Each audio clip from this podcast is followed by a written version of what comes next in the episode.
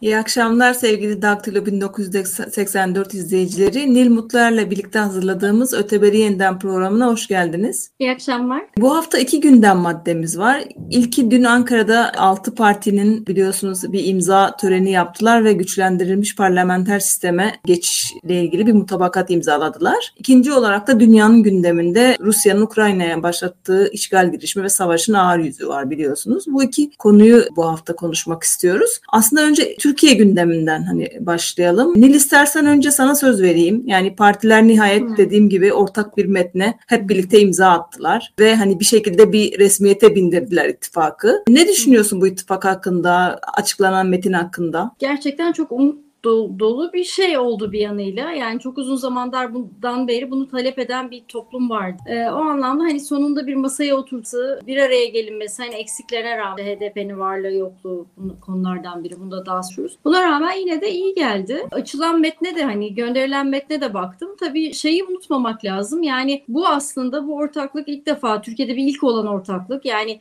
muhalefetin bir arada bir e, koalisyon kurması hep iktidarlar veya da seçilmişler kurardı. Bu anlamda bu önemli ve bunu işte mesela Macaristan'da da örneklerini gördük. Burada da görüyoruz. Yani aslında otoriter hükümetlere karşı bir yanıyla da tabanın zorlaması, durumun zorlamasından olan koalisyonlar bunlar. Bir yanıyla gerçekten önemli ama diğer yanıyla insan da hani düşünüyor hani yolda giderken nasıl evrilecek, sonuna çıkabilecek mi diye. İşte o noktada da önemli olan galiba bizim gibi hani sivil toplumda olanların, medyanın veya işte toplumun yani tabanın gerektiğinde o ayar ve rota vermesi ve eylemlere bakmak. Yani benim hani ilk anda söyleyeceklerim bunlar ama sen Ankara'daydın esas. Sen biraz anlat bize. Nasıldı o salonun havası, ortam nasıldı? Dediğin gibi dün gerçekten de hem bir gazeteci olarak hem de bir sivil toplum profesyoneli ya da çalışanı, gönüllüsü olarak bu tarihi anı görmek istedim. O yüzden gittim. Çünkü partiler aslında bu mutabakatı sivil toplumun da, gazetecilerin de olduğu, insan hakları savunucuları savunucuların da olduğu, e, işte çeşitli sendikaların, kadın örgütlerinin de olduğu bir toplantıyla duyurdular. Yani bu yönüyle de önemliydi. Yani hani partilerin, siyasi partilerin yaptığı bir toplantıyı düşünürsek böyle çok parti amblemlerinin şeyde çok olmadığı, daha böyle hiyerarşik olarak da konumlanma anlamında da daha eşitlikçi bir yaklaşımla işte salonda herkesin yerinin belli ve hani her sivil toplum medya, siyasi parti temsilcilerinin çok işçe oturduğu bir düzen vardı. Hiçbir partinin rengi böyle salona kendisi damgasını vuracak şekilde değildi. Yani o yönüyle mutabakatın arkasında hep böyle bir eşitlikçi ve katılımcı bir yapıdan söz ediliyor. Hani ona çok vurgu var ve o yüzden de hani o salonda o hissediliyordu. Medya demişken hükümete yakın medya tabii ki hani çok böyle büyük yüksek düzeyde temsil edilmedi ve e, aslında başka zamanlarda olsa başka bir ülkede olsa bu işte altı partinin bir araya gelmiş olması canlı yayının haber değeri taşıyan bir durum ama hani bu böyle olmadı. Ama e, alternatif medya diyeceğimiz veya muhalefette daha yakın medyanın çok büyük ilgi gösterdiği etkinlik ya da bir imza töreni oldu. Ama hani bir yandan da şey de hükümete yakın medya da hiç böyle ilgilenmiyormuş, o heyecana katılmıyormuş gibi yapsa da aslında dünü Tansu Çiller'le parlamenter sistemin kötülüğü üzerine bir röportaj koyarak aslında hani bu parlamenter sisteme geri dönüşü bu şekilde gördüğünü söyledi. Ama aslında toplantıda ilk konuşmayı işte yapan Muharrem Erkek, CHP Genel Başkan e, Yardımcısı ki şunu da söylemem lazım. Bütün sunumlar yani o mutabakatta yer alan bölümleri her partiden birer temsilci, genel başkan yardımcısı düzeyinde sundu salona ve bunlar da aslında bu deklarasyonun, bu metnin mutfağında çalışan ekip. Yani 5-6 aydır hatta neredeyse bir süre, bir yıllık bir süredir bunun mutfağında bir fiil çalışan kişiler sundu Hani o yüzden mesela belki eleştirilerde konuşuruz hani kadınlar yoktu işte meselesi var ama hani bunun böyle bir arka planı var. O yüzden hiçbir genel başkan konuşmadı. Sadece bu metni çalışan hani partiler adında bu metni çalışan genel başkan yardımcıları konuştu. Ve işte Muharrem Erkek şeyden bahsetti. Bunun geçmişe dönmek olmadığını yani parlamenter sisteme sadece sistem olarak geri dönmüyoruz. Aslında bunun yeni bir başlangıç olduğunu, eskinin eski tecrübenin de deneyimlerinin de hem yanlışlarından hani e, bir şekilde kendimizi çeki düzen vererek hatta şöyle bir cümle kullandı. Cumhuriyeti demokrasiyle taşlandırma yani Cumhuriyet geçmişini demokrasiyle taşlandırmaktan bahsetti ve o yüzden yarın Türkiye'si için adım atılıyor vurgusu çok vardı ve bütün genel itibariyle partiler buna çok vurgu yaptı. Yani sen de söyledin bence bütün eleştirilere rağmen ki hani bir metinde ki bu mesela hani yapılacaklar metninden öte aslında bir iyi niyet bildirgesi gibi okunması lazım. Yani hangi konularda nasıl bir ruhla, nasıl bir felsefeyle çalışılacağına e, vurgu yapan bir metin. Yani hani böyle teknik bir metin değil aslında. O yüzden bazı konular muallak hani. Ama genel itibariyle ülkedeki kutuplaşmayı e, aşmak, daha böyle çoğulcu, çoğulcu, katılımcı, eşli vurgu yapan bir metnin ve bu metinde hani bu altı partinin uzlaşıyor olması bence de önemli. Bir de bunu sadece hani biz üstte taban tabanlar olarak birleştik, liderler olarak birleştikten öte aslında bunu tabana da yayma, toplumun ve parti tabanları Önemli. başta olmak üzere toplumun da hani bunu içselleştirmesi e, ve kendisini ona göre kurgulaması açısından da hani önemli. Çünkü buna böyle bir misyon da atfediliyor. Yani hani başkanlık sisteminin giderek daha merkeziyetçi ve daha otoriter yönünün fark edildiği için hani daha denetime açık, daha şeffaf, daha katılımcı ve yerinden yönetime de işaret eden bir bakışa var. Arka planda bu var ve ki hatta yani salondaki her konuşmada bazı konular salondan daha büyük alkışlar aldı. Mesela en büyük alkışlardan bir tanesi kayyum meselesine. Hani kayyum yerinden yönetimlerin hmm. güçlendirileceği ve kayyumlara izin verilmeyeceği çok alkış aldım bu anlamda. Yine OHAL uygulamalarının olmaması, OHAL dönemlerinde ka- e, kanun hükmünde kararnamelerle işlemler yapılmayacak gibi söylemler. İşte sivil toplum vurgusu çok güçlü bir şekilde yer aldı. Oralar, kadın erkek eşitliği meselesi. Bunlar mesela salondan çok alkış aldı. Burada yine sana hani sözü vereyim tam da bu kadın erkek eşitliği meselesi. Yani metinde çok büyük bir vurgu var ki burada aslında eşit platformunun, kadın örgütlerinin başta olmak üzere ama eşit platformunun lobi ve savunuculuk faaliyetlerini de unutmamak lazım. Çünkü onlar bu altılı masayla birebir hakikaten görüşerek o onun gündemine girdi. Ve o yüzden de hani işte İstanbul Sözleşmesi kelimesi şey sözleşme olarak geçmiyor. Ama aslında kadının eş, kadın erkek eşit hem kamuda eşitlik hem daha çocuk yaşlarda toplumsal toplum cins, toplumsal cinsiyet eşitliği yani toplum normlarının değişmesi noktasında büyük bir vurgu var. Ve uluslararası sözleşmeleri uygulama kelimesi de geçiyor. Aslında bu hani biraz şey gibi hani bir yandan işte diğer partilerle uzlaşmak için bazı ödüller de verildiği hissediliyor. Bir yandan da işte kadınlardan böyle bir eleştiri de geldi. Senin dediğin gibi yani HDP meselesi yani HDP'nin olmayışı. Biraz da bunlardan bahsedelim. Yani mesela sence HDP bu masada hı hı. olabilir miydi? Olsa ne değiştirirdi? Niye olmamasının sebebi ne sence? Ondan önce istersen tam da bir soru gelmişti. Ben de bir e, şeyle ilgili birkaç bir şey söylemek istiyorum. Mutabakat metniyle ilgili. Mutabakat metnindeki eksikler neler, sizce neler diye bir soru geldi. Ben de tabii gidemedim. Yani hani zaten memleketteydik. Ee, ama hani kimden duysam çok oradaki salondaki coşku işte sen de şimdi anlatıyorsun. Hani onu görmek mümkün. O anlamda çok keyifli. Özellikle şunu sanki hissettim senin demin söylediğinden. Bu kayyum işte OHAL uygulamaları, KHK'lar, sivil toplum vurgusu, kadın erkek eşitliği deyince aslında son bu otoriter dönemdeki baskıya bir anlamda bir tepki oldu. Onun içinde bir tabanda buluşma oldu. Sanki bunu da hani insan hissediyor gibi geliyor. Bu hani bir anlamıyla Cumhuriyeti demokrasiyle taçlandırmak e, sanki fantazi gibi. Yıllardır bunu bu ekipten duymak filan o anlamda hani bunlar çok olumlu gelişmeler. Fakat kadın erkek eşitliği demişken hani bir yandan şu savunma savunma Cem. Başkan yardımcıları sundu. Onlar da erkekti. Savunma değil. Çünkü aslında kadın hareketi çok uzun yıllardır tam da seçilmiş yerlerde yani mecliste bunun en büyük karar organlarından biri yasa çıkarma organı meclisi.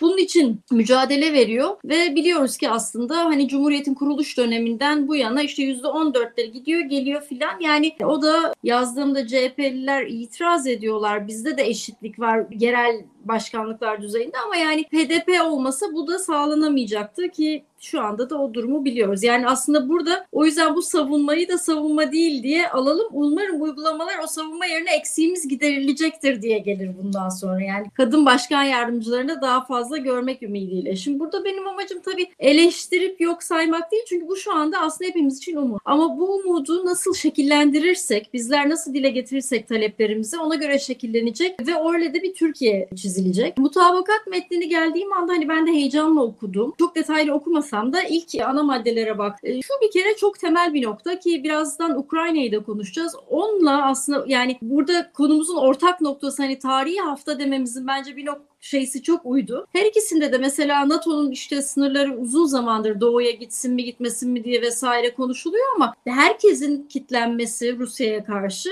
bir otoriter, kontrol edilemez bir otoriteri görünce oldu. Burada da aslında mutabakat metnini okuyup ilk analizini yaptığımızda bile temelin parlamenter sistem olduğu ama başkanlık sistemi olduğu ama biliyoruz ki bu başkanlık sistemi eğer güç ve güçler ayrılığı olan denetleme, denge denetlemenin olduğu bir sistem olsaydı bu eleştirilerin gelmeyeceği o anlamda otoriteryenizme karşı bir adım olduğu hissediliyor. O anlamda aslında hani hem yerelde hem dünya bu yeni şekillenmenin hani düğümleri atıldı veya somut vücut buldular diyebiliriz. Ama metne baktığımda mutabakat metnine kadınların talepleri evet uluslararası metinlere şey var, vurgu var. Fakat İstanbul Sözleşmesi çok sembolikti. Herhalde Saadet Partisi'nin olması. Çünkü kendileri hani biliyoruz ki o konuda parti içinde çok tartışmalarına rağmen en sonunda orada desteklerini çekmişlerdi. Ama ona rağmen uluslararası metin vurgusu önemli. Orada dediğin çok doğru. Kadın hareketinin sadece bu metnin mutabakat metninin hazırlanmasında değil aslında Türkiye'nin demokratikleştirilmesinde, yasa değiştirilmesi, değiştirmesinde tarihi önemi var. Yani medeni kanun, ceza kanunu vesaire belki de hani sembolik bir harekettir o anlamda. Kanun değiştiren 2000'lerden daha önceden de hani bu yana. O anlamda bir lobiciliği bir profesyonellik değil gönüllülük olarak tabandan yapma örneğini hani gösterdi ve bugün Berrin Sönmez de bir yaz, yazısında bahsetmişti ki ben de hani şahidim hani eşik ve kadın hareketinin çeşitli bileşenleri aslında bu partilerin kadınlarıyla erkekler bir araya gelmeden çok önce görüşmeye başlamışlardı. Bu gerçekten hani kıymetli adımlar. Onun dışında şeye baktım tabii yani iklim politikaları, çevre politikaları vesaire. Ve ha pardon ondan önce de bu tabii şu mutabakatta olması çok zor bir şey. Onu bir arada söyleyeyim. Biliyorum hani cinsel yönelimin hiç değinilmemiş olması. Bu ileride hani LGBTİ hareket tarafından bir eleştiri haline gelecektir ama toplumun gerçeklikleri, yani reel politikaya bakıldığında bu altı partiyi bir araya getirmek için çok uz, konu, kolay bir konu değil. Biliyoruz orada çekinceler var. O da hani yolda yürürken tar- taraflar birbirini e, özgürlükler anlamında tanırken hani konuşulacak, tartışılacak alanlardan biri gibi olacak duruyor. Ve iklim, doğa, çevre meselesine hani bir yanıyla insanın çok hoşuna gidiyor hani çevre maddesinin olması. Fakat o maddeye baktığımda o madde beni biraz şöyle mutsuz etti diyeyim. İnsan merkezci bir yaklaşımla doğayı ele alan bir yanı var. Şimdi diyor yani ben de ilk metni okuduğumda hakikaten esas nokta parlamenter sisteme geçmemiz veya demokratik hukuk devletine geçmemiz en temel nokta. O anlamda hani bu çok lüks gelebilir gibi geliyor insana ama zihniyetin metne yerleşmesi açısından dili de yani bir imza metni metninde dil konusunda çok özverilerde bulunabilen bir insanım ben. Ama böyle bir mutabakat oluyorsa orada mesela insan merkezli bir çevre, doğanın sadece kaynak olarak görülmesi, canlı cansız değerlere vurgu bu tip şeyler çok yoktu ve tarım bir geçiş politikası olarak düşünülüyordu. Halbuki ileride yani veya çevre mahkemeleri kurmak ama çevre mahkemeleri yani bu yan dal gibiydi. Orada biraz daha bence iklim krizinin meselesi, doğayı te- temel alan örgütlerle, hani yapılarla çalışıp orayı şekillendirmenin kritik olduğunu e, düşündüm. Ama yine de Paris Anlaşması çok önemliydi. Din ve vicdan özgürlüğü noktası çok kıymetli ama Diyanet konusunda neler konuşulacağı, cemevleri konusunda neler konuşulacağı hani bu zaman içinde çıkacak masalardan neler çıkacak onu göreceğiz. Son olarak da çok hoşuma giden bir noktayı söylemek istiyorum. YÖK Yüksek Öğretim Kurulu kaldırılıyor ve üniversiteler özelliğine kavuşuyor. Hani o anlamda da hakikaten 1980'de bize getirilmiş en otoriter şeyin aslında gittiğini görüyoruz. Hani bu anlamda çok şey bir, bir alan açacak bir yanı var. Dediğim gibi bunlar nüanslar gibi görünebilir ama hani yol içinde bu nüansları da işlemek, örmek yan yana yürürken hani mesela bu cinsel yönelim meselesi adaylar konusunda aslında çeşitliğe girdiğinde çözülebilecek belki filan. Yani bunları düşünmek gerekecek. HDP'ye gelince ben geçen pazar Artı TV'deki Başka Düşünce'deki programda Mehmet Bekeroğlu konuğumdu. Kendisi İstanbul Milletvekili biliyorsun. Mehmet Bey'e özellikle hani açıkça sordum. Hani HDP ve Kürt meselesi ne nasıl bakıyorsunuz diye. O zaten tekrar hatırlattı hani Kılıçdaroğlu'nun dillendirdiklerini, hani negatif bakmadığını. Çünkü bir yandan bakıyoruz aslında işte sembolik düzeyde Erbakan anmasına söylenenler, kulislerden gelen bilgiler Meral Akşener'in hani HDP gittiği için gitmediği vesaire. Bu ne kadar gerçek, ne kadar doğru bu anlaşılır siyasi diplomatik manevralar bunlar bir yanıyla. Çünkü başkan yardımcısı gidiyor filan. Yani öyle bir tabana karşı bir şey oynanıyor ama diğer noktada Mehmet Bekeroğlu'nun açıkça söylediği, ifade ettiği aslında demokratikleşen Türkiye'de HDP'nin siyasi olarak varlığını ve bu Kürt meselesinin çözümünde kritik önemde olduğu ve anahtar rolü üstlendiğiydi ki o da klasik hesaba e, girdi. Yani Cumhurbaşkanlığı seçimleri olacak, parlamento olacak, Cumhurbaşkanlığı seçimleri olacak. Bütün bunlarda HDP'siz zaten başaramayız diye hani çok altını çizerek söyledi. O anlamda da demokratikleşme meselesi içinde, barış içinde sadece kimin kime ihtiyacı olduğu anlamında değil, güç ilişkileri anlamında değil ama demokratikleşme anlamında da hani HDP'nin hangi parti olursa olsun partilerin hani bir arada olması önemli geliyor bana. Sen ne düşünüyorsun bu HDP'nin ittifakı ile ilgili ne, neler bekleniyor veya salonda neler kulis bilgisi alalım senden. yani salon e, öyle kulis bilgisi alabilecek kadar küçük bir salon değildi açıkçası. Değil miydi? Çok genişti ve çok yani çok fazla katılımcı vardı. 700'ün üzerinde katılımcı olduğu söylendi. Ama bu hani mutabakat ne, metninde sizce neler eksik sorusuyla hani başlayacak olursak aslında bazı yani burada şunu hatırlamak lazım. Yani bu partiler Evet yani bir felsefesi işte bir arka plan metnine nerelerde özellikle temel referansların ne olacağı ile ilgili bir ortaklaştılar. Ama yine de aslında çok farklı partiler. Yani işte bazı mesela sağda gibi görünen İyi Parti ile Demokrat Parti arasında da bence fark var. Yine daha muhafazakar İslamcı olduğunu söyleyen Gelecek Partisi ile Saadet Partisi arasında da bir yandan farklar var veya Deva mesela o da daha farklı bir yerde. Yani işte CHP ve İyi Parti birbirine yakın gibi görünüyor ama çok da onlar da yakın değiller. Yani hani o yüzden aslında çok netametli olabilecek konularda çok genel bir duruş göstererek ilerleyebilmişler. Yani onu hissediyorsun metinde. Mesela temel hak ve özgürlükler meselesinde temel hak ve özgürlükler dil,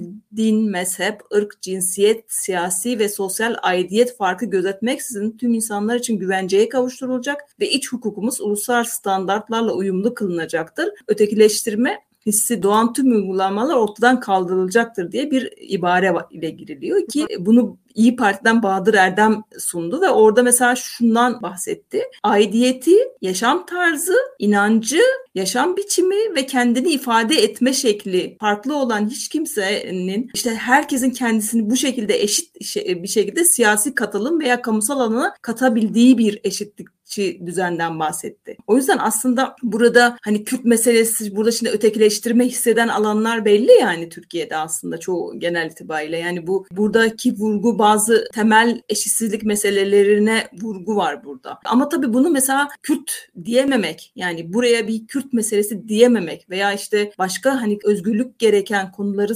söyleyememek bu da tam da aslında siyasi partilerin kendisinin de içinde bulunduğu açmaz. Çünkü önlerinde büyük bir seçim var. Bir yandan bu e, ittifakı aslında seçim ittifakı olarak da görmek lazım. Bu hani seçimden sonraki yol haritasının arka planı. Çünkü daha bu partiler birlikte seçime ittifak olarak girecekler. Adayları kim olacak daha oralar da net değil Öyle bence. Değil. O yüzden de hani ama yine de yani sonuçta zaten ortada bir araya gelebilmiş olmanın verdiği fotoğrafla evet bir ivme yakaladı bu partiler. Ama bu ivme aslında vatandaşın da genel itibariyle sadece bu fotoğrafın verilmesi değil. E bundan sonra yani bu yönetim krizinde bu çerçevesini koyduğunuz yönetim krizinde gündelik hayattaki sorunlarda ekonomik sorunlardan işte bu ayrımcılığa kadar siz ne yapacaksınız? Siz nasıl çözeceksiniz bekliyor ve o yüzden de aslında bunu nasıl çözeceğini de bu yol haritası gösterecek. Yani bundan sonra yapacakları gösterecek. O yüzden hani Kürt meselesi bu ittifakındaki partilerin hepsi için bir turnusol durumunda. Yani Hı. bir yandan bir taktik olarak belki HDP'nin orada olmayışı, iktidar ıı, Cumhur İttifakı'ndan gelecek olan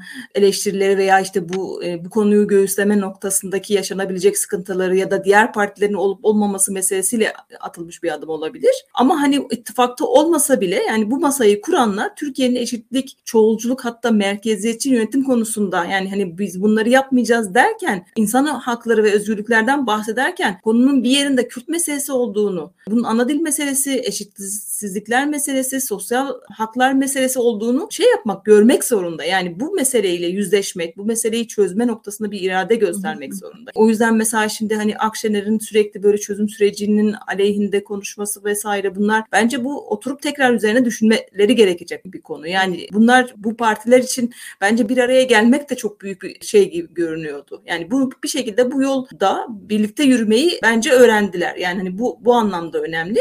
Ama asıl mesele bundan sonra ne yapacakları? Yani hani o yüzden o mesela vurguladıkları kendi kanaatine, inancına, yaşam tarzına, aidiyetlerine göre hmm. kamuda eşit temsiliyet Kürtlerin kimliğini kapsıyor mu? Tabii. Yani hani mesela bu bunu pratik ve süreçler gösterecek. Yani buralarda işte Tabii. bu yol haritası bu şekilde devam edebilirse çünkü kulis dedin yani ben mesela bu masayı oluşturan genel başkan yardımcıyla çalışan genel başkan yardımcıyla daha öncesinde yaptığım görüşmelerde oralarda da mesela ne kadar zorlandıklarını, ne kadar hani bütün kelimeleri teker teker üzerinde konuştuklarını veya bazı kelimeleri kullanmanın ne kadar zorlaştığını falan hani içeriden konuştuklarımızdan biliyorum. O yüzden aslında şimdi başlıyor. Hani yine bu, bu kadar hani uzlaşabilecek bir yol yolda ve tekrar yeni bir fotoğraf koyabilecekler mi? Hani mesela bunu parti tabanlarına gerçekten yayabilecekler mi? Bütün bunlar hani Görecek. önümüzdeki e, süreç. Yani o yüzden ben şu anda ilk etapta bu kadar hani sonuçta temel referansları alması, Türkiye'nin şu anki mevcut sistemdeki sorunlarının yani çünkü burada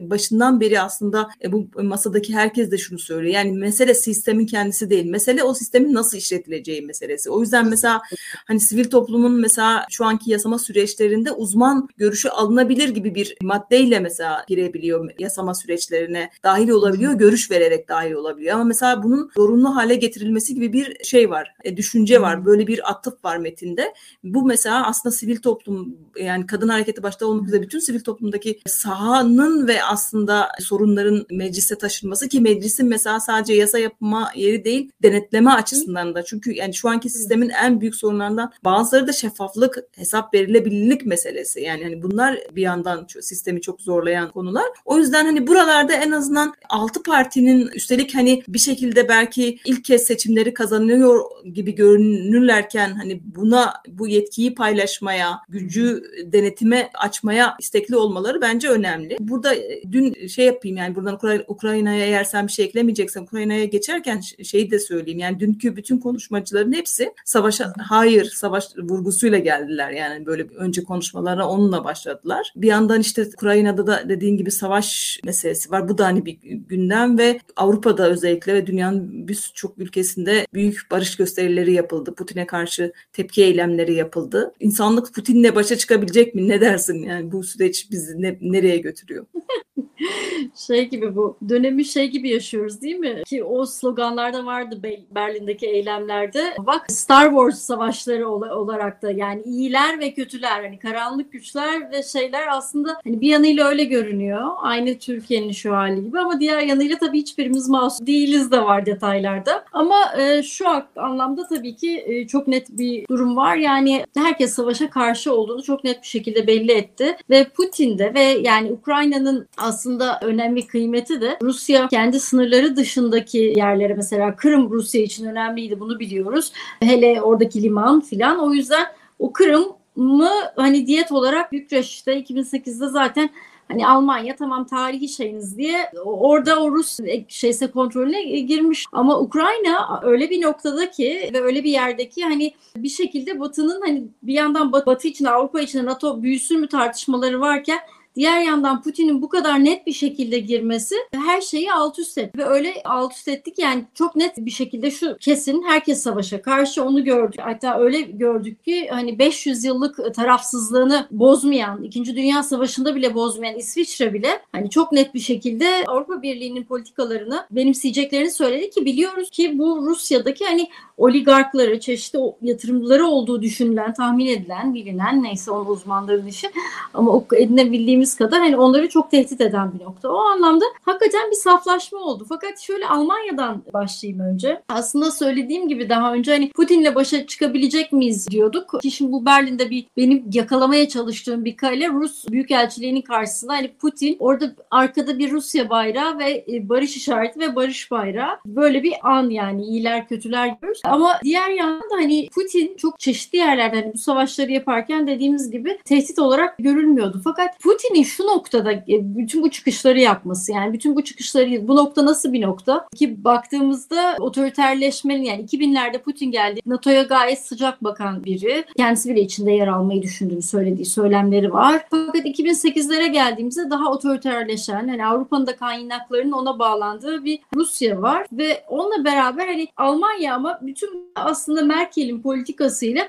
hani hep idare ediyor Rusya'yı bir şekilde. Ve Almanya'da çok temel bir nokta var. O da silahsızlanma. Yani NATO ülkeleri biliyoruz ki iki e, oranında hani silahlı kaynak ayırmak zorundalar kendi gayri safi hastalarından gelirlerinden. Fakat Almanya her zaman bunu çok düşük yüzde bir oranlarında ayırıyor. E, hatta o yüzden de hani Amerika'nın ona çıkıştığını biliyoruz. İşte Almanya'yı biz koruyoruz e, gibilerinden. Yani gerçekten teçhizat ve donanım açısından da güçsüz bir yer. Yani böyle özel şey orduları vesaire konusunda çok iddialı değil. Ve bütün bunlar hani kaderin cilvesi mi diyeyim. Bütün bu olay yani Putin'le başa çıkabilecek mi olayı öyle bir zamanda oluyor ki Almanya'da sosyal demokratların ve yeşillerin olduğu ki sosyal demokratlar ve yeşiller çok net bir şekilde şeye karşılar. Yani silahlanma meselesinde çok net adımları var. Hatta dün ZDF'den bir tane spiker e, başkan yardımcısı hani Habek görüşü de hani size şok terapi mi oldu? Bir anda hani silahla ilgili politikanız değişti diye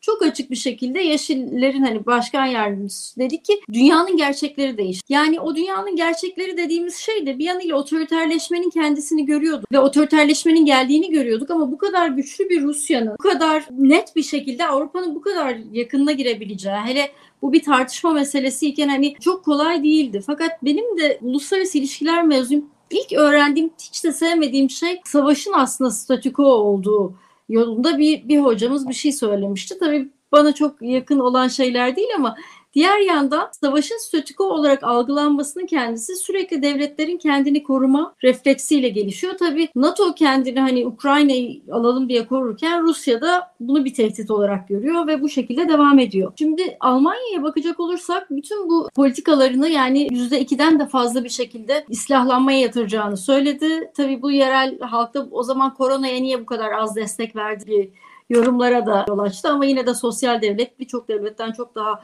büyük paylar ayırmıştı. Ve bununla beraber Putin'in sevenler, yandaşları gibi böyle bir kesim, bir sinik bir kesim oluştu. Aslında bunu Türkiye'de de görüyoruz farkındaysanız. Mesela Doğu Perinçek geliyor aklıma ama burada o kadar açık bir şekilde söylenemiyor ama Doğu Perinçek'den ilişkili olduğunu bildiğimiz aşırı sağcıların hatta Nazi Partisi bile söylenen hani AFD'nin tabii ki savaşa karşı izliyor ama bir yandan o sessiz bir şekilde hani NATO'ya da karşı olmak hep öyle bir alt metinde beraber e, bunlar. Avrupa'da da çok ilginç benim benim ilgimi çeken yani hani Finlandiya'nın işte İsveç NATO ülkesi değil biliyoruz ve belki korumak için hiçbir zaman NATO kartını oynamadılar. Çünkü Ukrayna'nın başına gelebileceklerini Finlandiya'nın da başına gelebileceğini öngörüyordu ve o orada onu siyasi bir şekilde yürütüyordu. Ama işin ilginç yanı otoriter olan ve otoriter olan derken işte Orban biliyoruz yani birçok politikası Orban Polonya ve hani Erdoğan'ı çok sık zamanlarda cinsiyetçilikle ilgili politikalarıyla, o, o tip politikalarıyla vesaire hani çok kıyaslamıştık. Çok benzer otoriter yapılar bunlar. Ama hepsi Rusya gibi bir süper gücün karşısında Avrupa Birliği'ne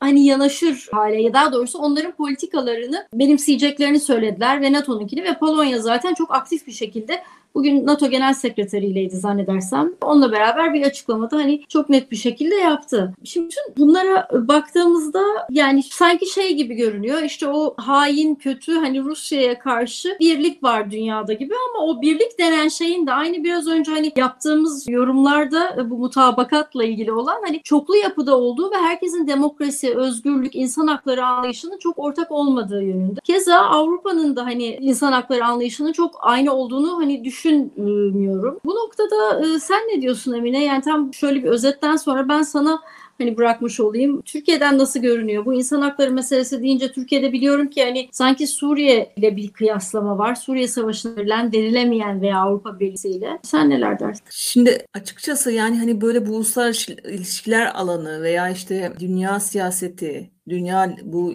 bu mevzular çok da hani böyle benim uzmanlık alanım değil. Hani çok da böyle o yüzden ne bitiyor? Hani hangi dengeler ne zaman harekete geçiyor vesaire çok anlamıyorum. Ama hani bu Ukrayna'daki savaş başladığından beri hem de yani bütün dünyanın ne kadar tepki gösterilse de hani bu yaptırımlar birazcık gün yüzüne çıkmaya başlasa da ama özellikle ilk günlerde hani böyle ışık gösterileriyle yok işte sosyal medya gösterileriyle hani bu hal bende şunu uyandırmıştı. Yani dedim hani mesela Ukra şey Putin işte diğer hani diğer kendi Rusya'dan ayrılan bağımsızlaşan diğer devletlere veya başka herhangi bir devlete de yani bu şekilde bir suçlar atfetse ve oraya aynı hareketleri yapsa, harekatları yapsa yani dünya buna ne diyecek yani? Hani mesela Ukrayna'dan benim gördüğüm hani bunu çok rahat yapabileceği böyle bir durum var. Çünkü zaten aslında Suriye dedin Suriye'den gelen bir yani bir durumla. Türkiye'den bakınca bizim Rusya ile ilişkimizi de benim hani ben anlamıyorum. Uluslararası ilişkiler daha iyi bir hani mutlaka biliyor ama yani Suriye politikası politikası meselesinde mesela baktığımda yani biz mesela işte sonuçta Türkiye Esad'a karşı ama Esad bir yandan Rusya ile birlikte bombalıyor her yeri. Rusya biz bir yandan da Rusya ile sanki şey değiliz çok böyle hani uzak değiliz yakın bir şeyimiz de var. Bir böyle tuhaf yani o yüzden anlayamıyorum. Ondan sonra ama hani insan haklarının eşit olmadığını söyledim. Gerçekten de hani buradaki şey biraz o. Yani Avrupa'nın buradaki şiddet standartlı duruşu. Yani Ukraynalılara kapısını açması daha bu konuda daha duyarlı olması tabii ki önemli bir şey ama hani Suriye'de veya işte diğer ülkelerde Afganistan'da, Irak'ta yani hani bu Orta Doğu coğrafyasındaki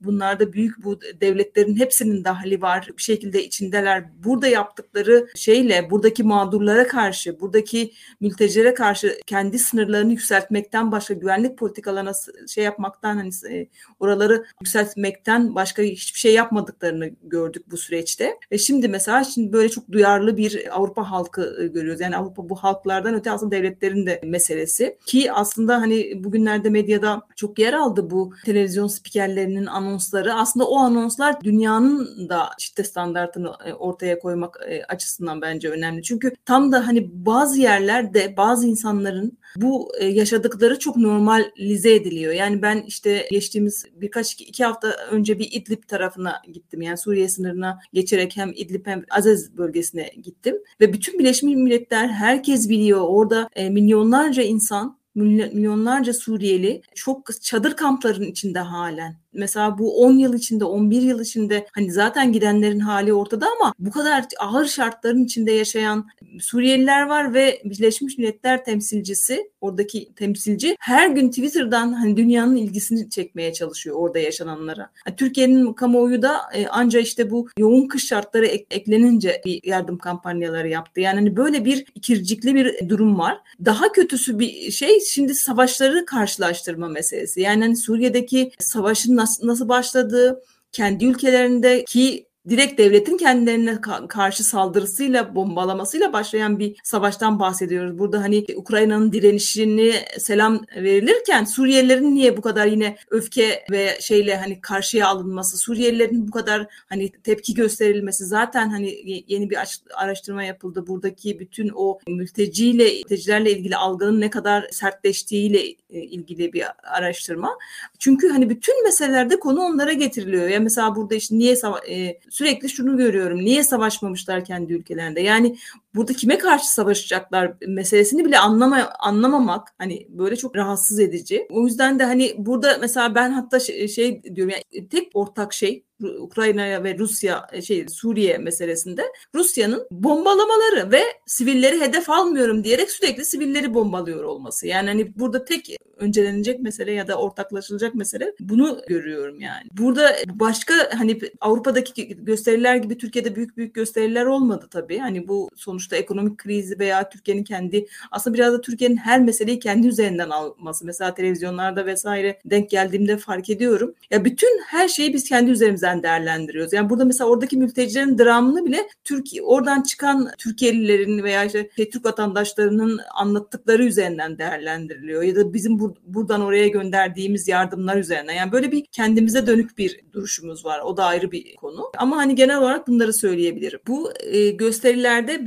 Berlin'deki gösterilerde çok ilginç e, biraz önce gösterdik. Aa, çok pardon. ilginç protestolar da vardı. Sen onlarla ilgili bir şeyler eklemek ister miydin? Bir yandan da süremiz de azaldı. Evet evet yok ben ekleyeyim. Bir de şu son söylediklerini hani ben de bir şeyler söyleyeyim dedim. Endişe etmeyelim yani. Biraz önce hani sen dedin ya hani siviller ölüyor bir anda. Ee, işte tam da benim hani uluslararasıcı olmayı bilip hani ama daha sosyal beşeri bilimler hani kayma e, hikayemin özeti gibi bunu uluslararası arkadaşlarımla konuştuğumda tabii onlar da çok üzülüyor, kınıyor ve buna collateral damage yani savaşta olabilecek bir zayiat olarak işte hedef sapması falan olarak bu kadar basit görülebiliyor. Tabii mesele ondan daha öte ama dediğin doğru. Bugün bir çocuk öldü dün akşam mesela. Şimdiye kadar ölen hani yüzlere yaklaştı artık yani bu, bu anlamda hakikaten o insani boyutu var. Ama diğer yandan sadece yani Rusya'nın diğer alanlarında mesela Çeçenistan hatırlarsan hani Grozny olduğunda hani en çok tahrip edilen şehir ilan edilmişti zannedersen ve o da dünyanın önünde oldu ve onu da Rusya yapıyordu hani kötü Rusya ama hani hiç coğrafya ile ilişkisi olmayınca ve de o dönemde o hani eski işte büyük Sovyetler Birliği'nin kendi iç çatışmaları, iç hesaplaşmaları olarak görülüyor. Yani bunun hani birçok noktası var. Bu arada şunu da hatırlayayım hani hatırlatayım savaş derken bugün 1 Mart 2003 tezkerenin de yıl dönümü. Hatırlarsan hani Türkiye'yi aslında hani Erdoğan çok hevesliydi Irak Savaşı'na girmeye ama meclis onu engellemişti. İyi de bir altını çizerek hatırlayalım. Bir yanıyla hani savaş hiç coğrafyada istenmeyecek bir şey. Bir de zaten neden olsun yani çok anlam yani hiç yani zaten savaşa karşıyız ama Hani onu da şu anda anmak da çok önemli geldi bana. Bir de şu şeyi bir Maya sizden rica etsem bu bir tane melek Berlin'deki eylemlerde bir melek fotoğrafı vardı. Melekli bir aktivistin fotoğrafı. Putin Maya bizi du- duymuyor galiba. Neyse orada Putin to Den Haag diyordu. Putin Lahey'e getiriyordu. Demin galiba o birazcık vardı. O bence çok anlamlı bir şey. Çünkü demin çok önemli bir şey söyledin sen. Emine hani Suriye'dekiler görülmüyor, Afganistan'dakiler görülmüyor. Aslında Yugoslavya'da yani Şimdi bunun tekrar çıkmış olması bu da tamamen bir insandan çıkıyor.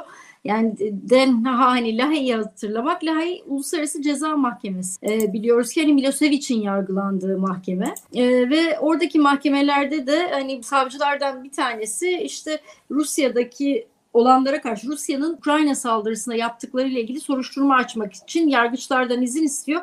Hatta işini kolaylaştırmak için taraf devletlere çağrı yapıyor ve diyor ki yani işte Rusya'da eğer siz de talepte bulunursanız Rusya'nın yaptığı savaş suçları hani daha doğrusu savaşta olan suçlar eğer Ukrayna yaparsa onlarınki de hani raporlansın diyor. Ve Ukrayna'da taraf devlet olmamasına rağmen bu mahkemenin yargı yetkisini kabul ettiğini beyan ediyor. Şimdi bu anlamda bir yandan Haag'ı anmak hani Uluslararası Ceza Mahkemesi'ni iyi, iyi ama Yugoslavya'da olanları hatırladığımızı hatırlar mısın? O dönemde de bizim yaşımız yetiyor. Ne diyorduk? Yugoslavya'da petrol yok. O yüzden hani Irak'ta veya diğer yerlerde yapılan savaşlar gibi hani hiç bakılmadı veya Orta Doğu'da olan bilgiler yok diye Irak Savaşı tabii daha sonra. O anlamda bu buradaki çağrı yani taraf görmemesi, coğrafyalardaki şeyin görülmemesi hani önemli. Burada da işte yeni dünya düzeni kurulurken hani kimler yeni sınırlar belirlenirken ve bu sınır derken hani belki yeni zihniyet sınırları diyeyim daha hani söylemini daha işte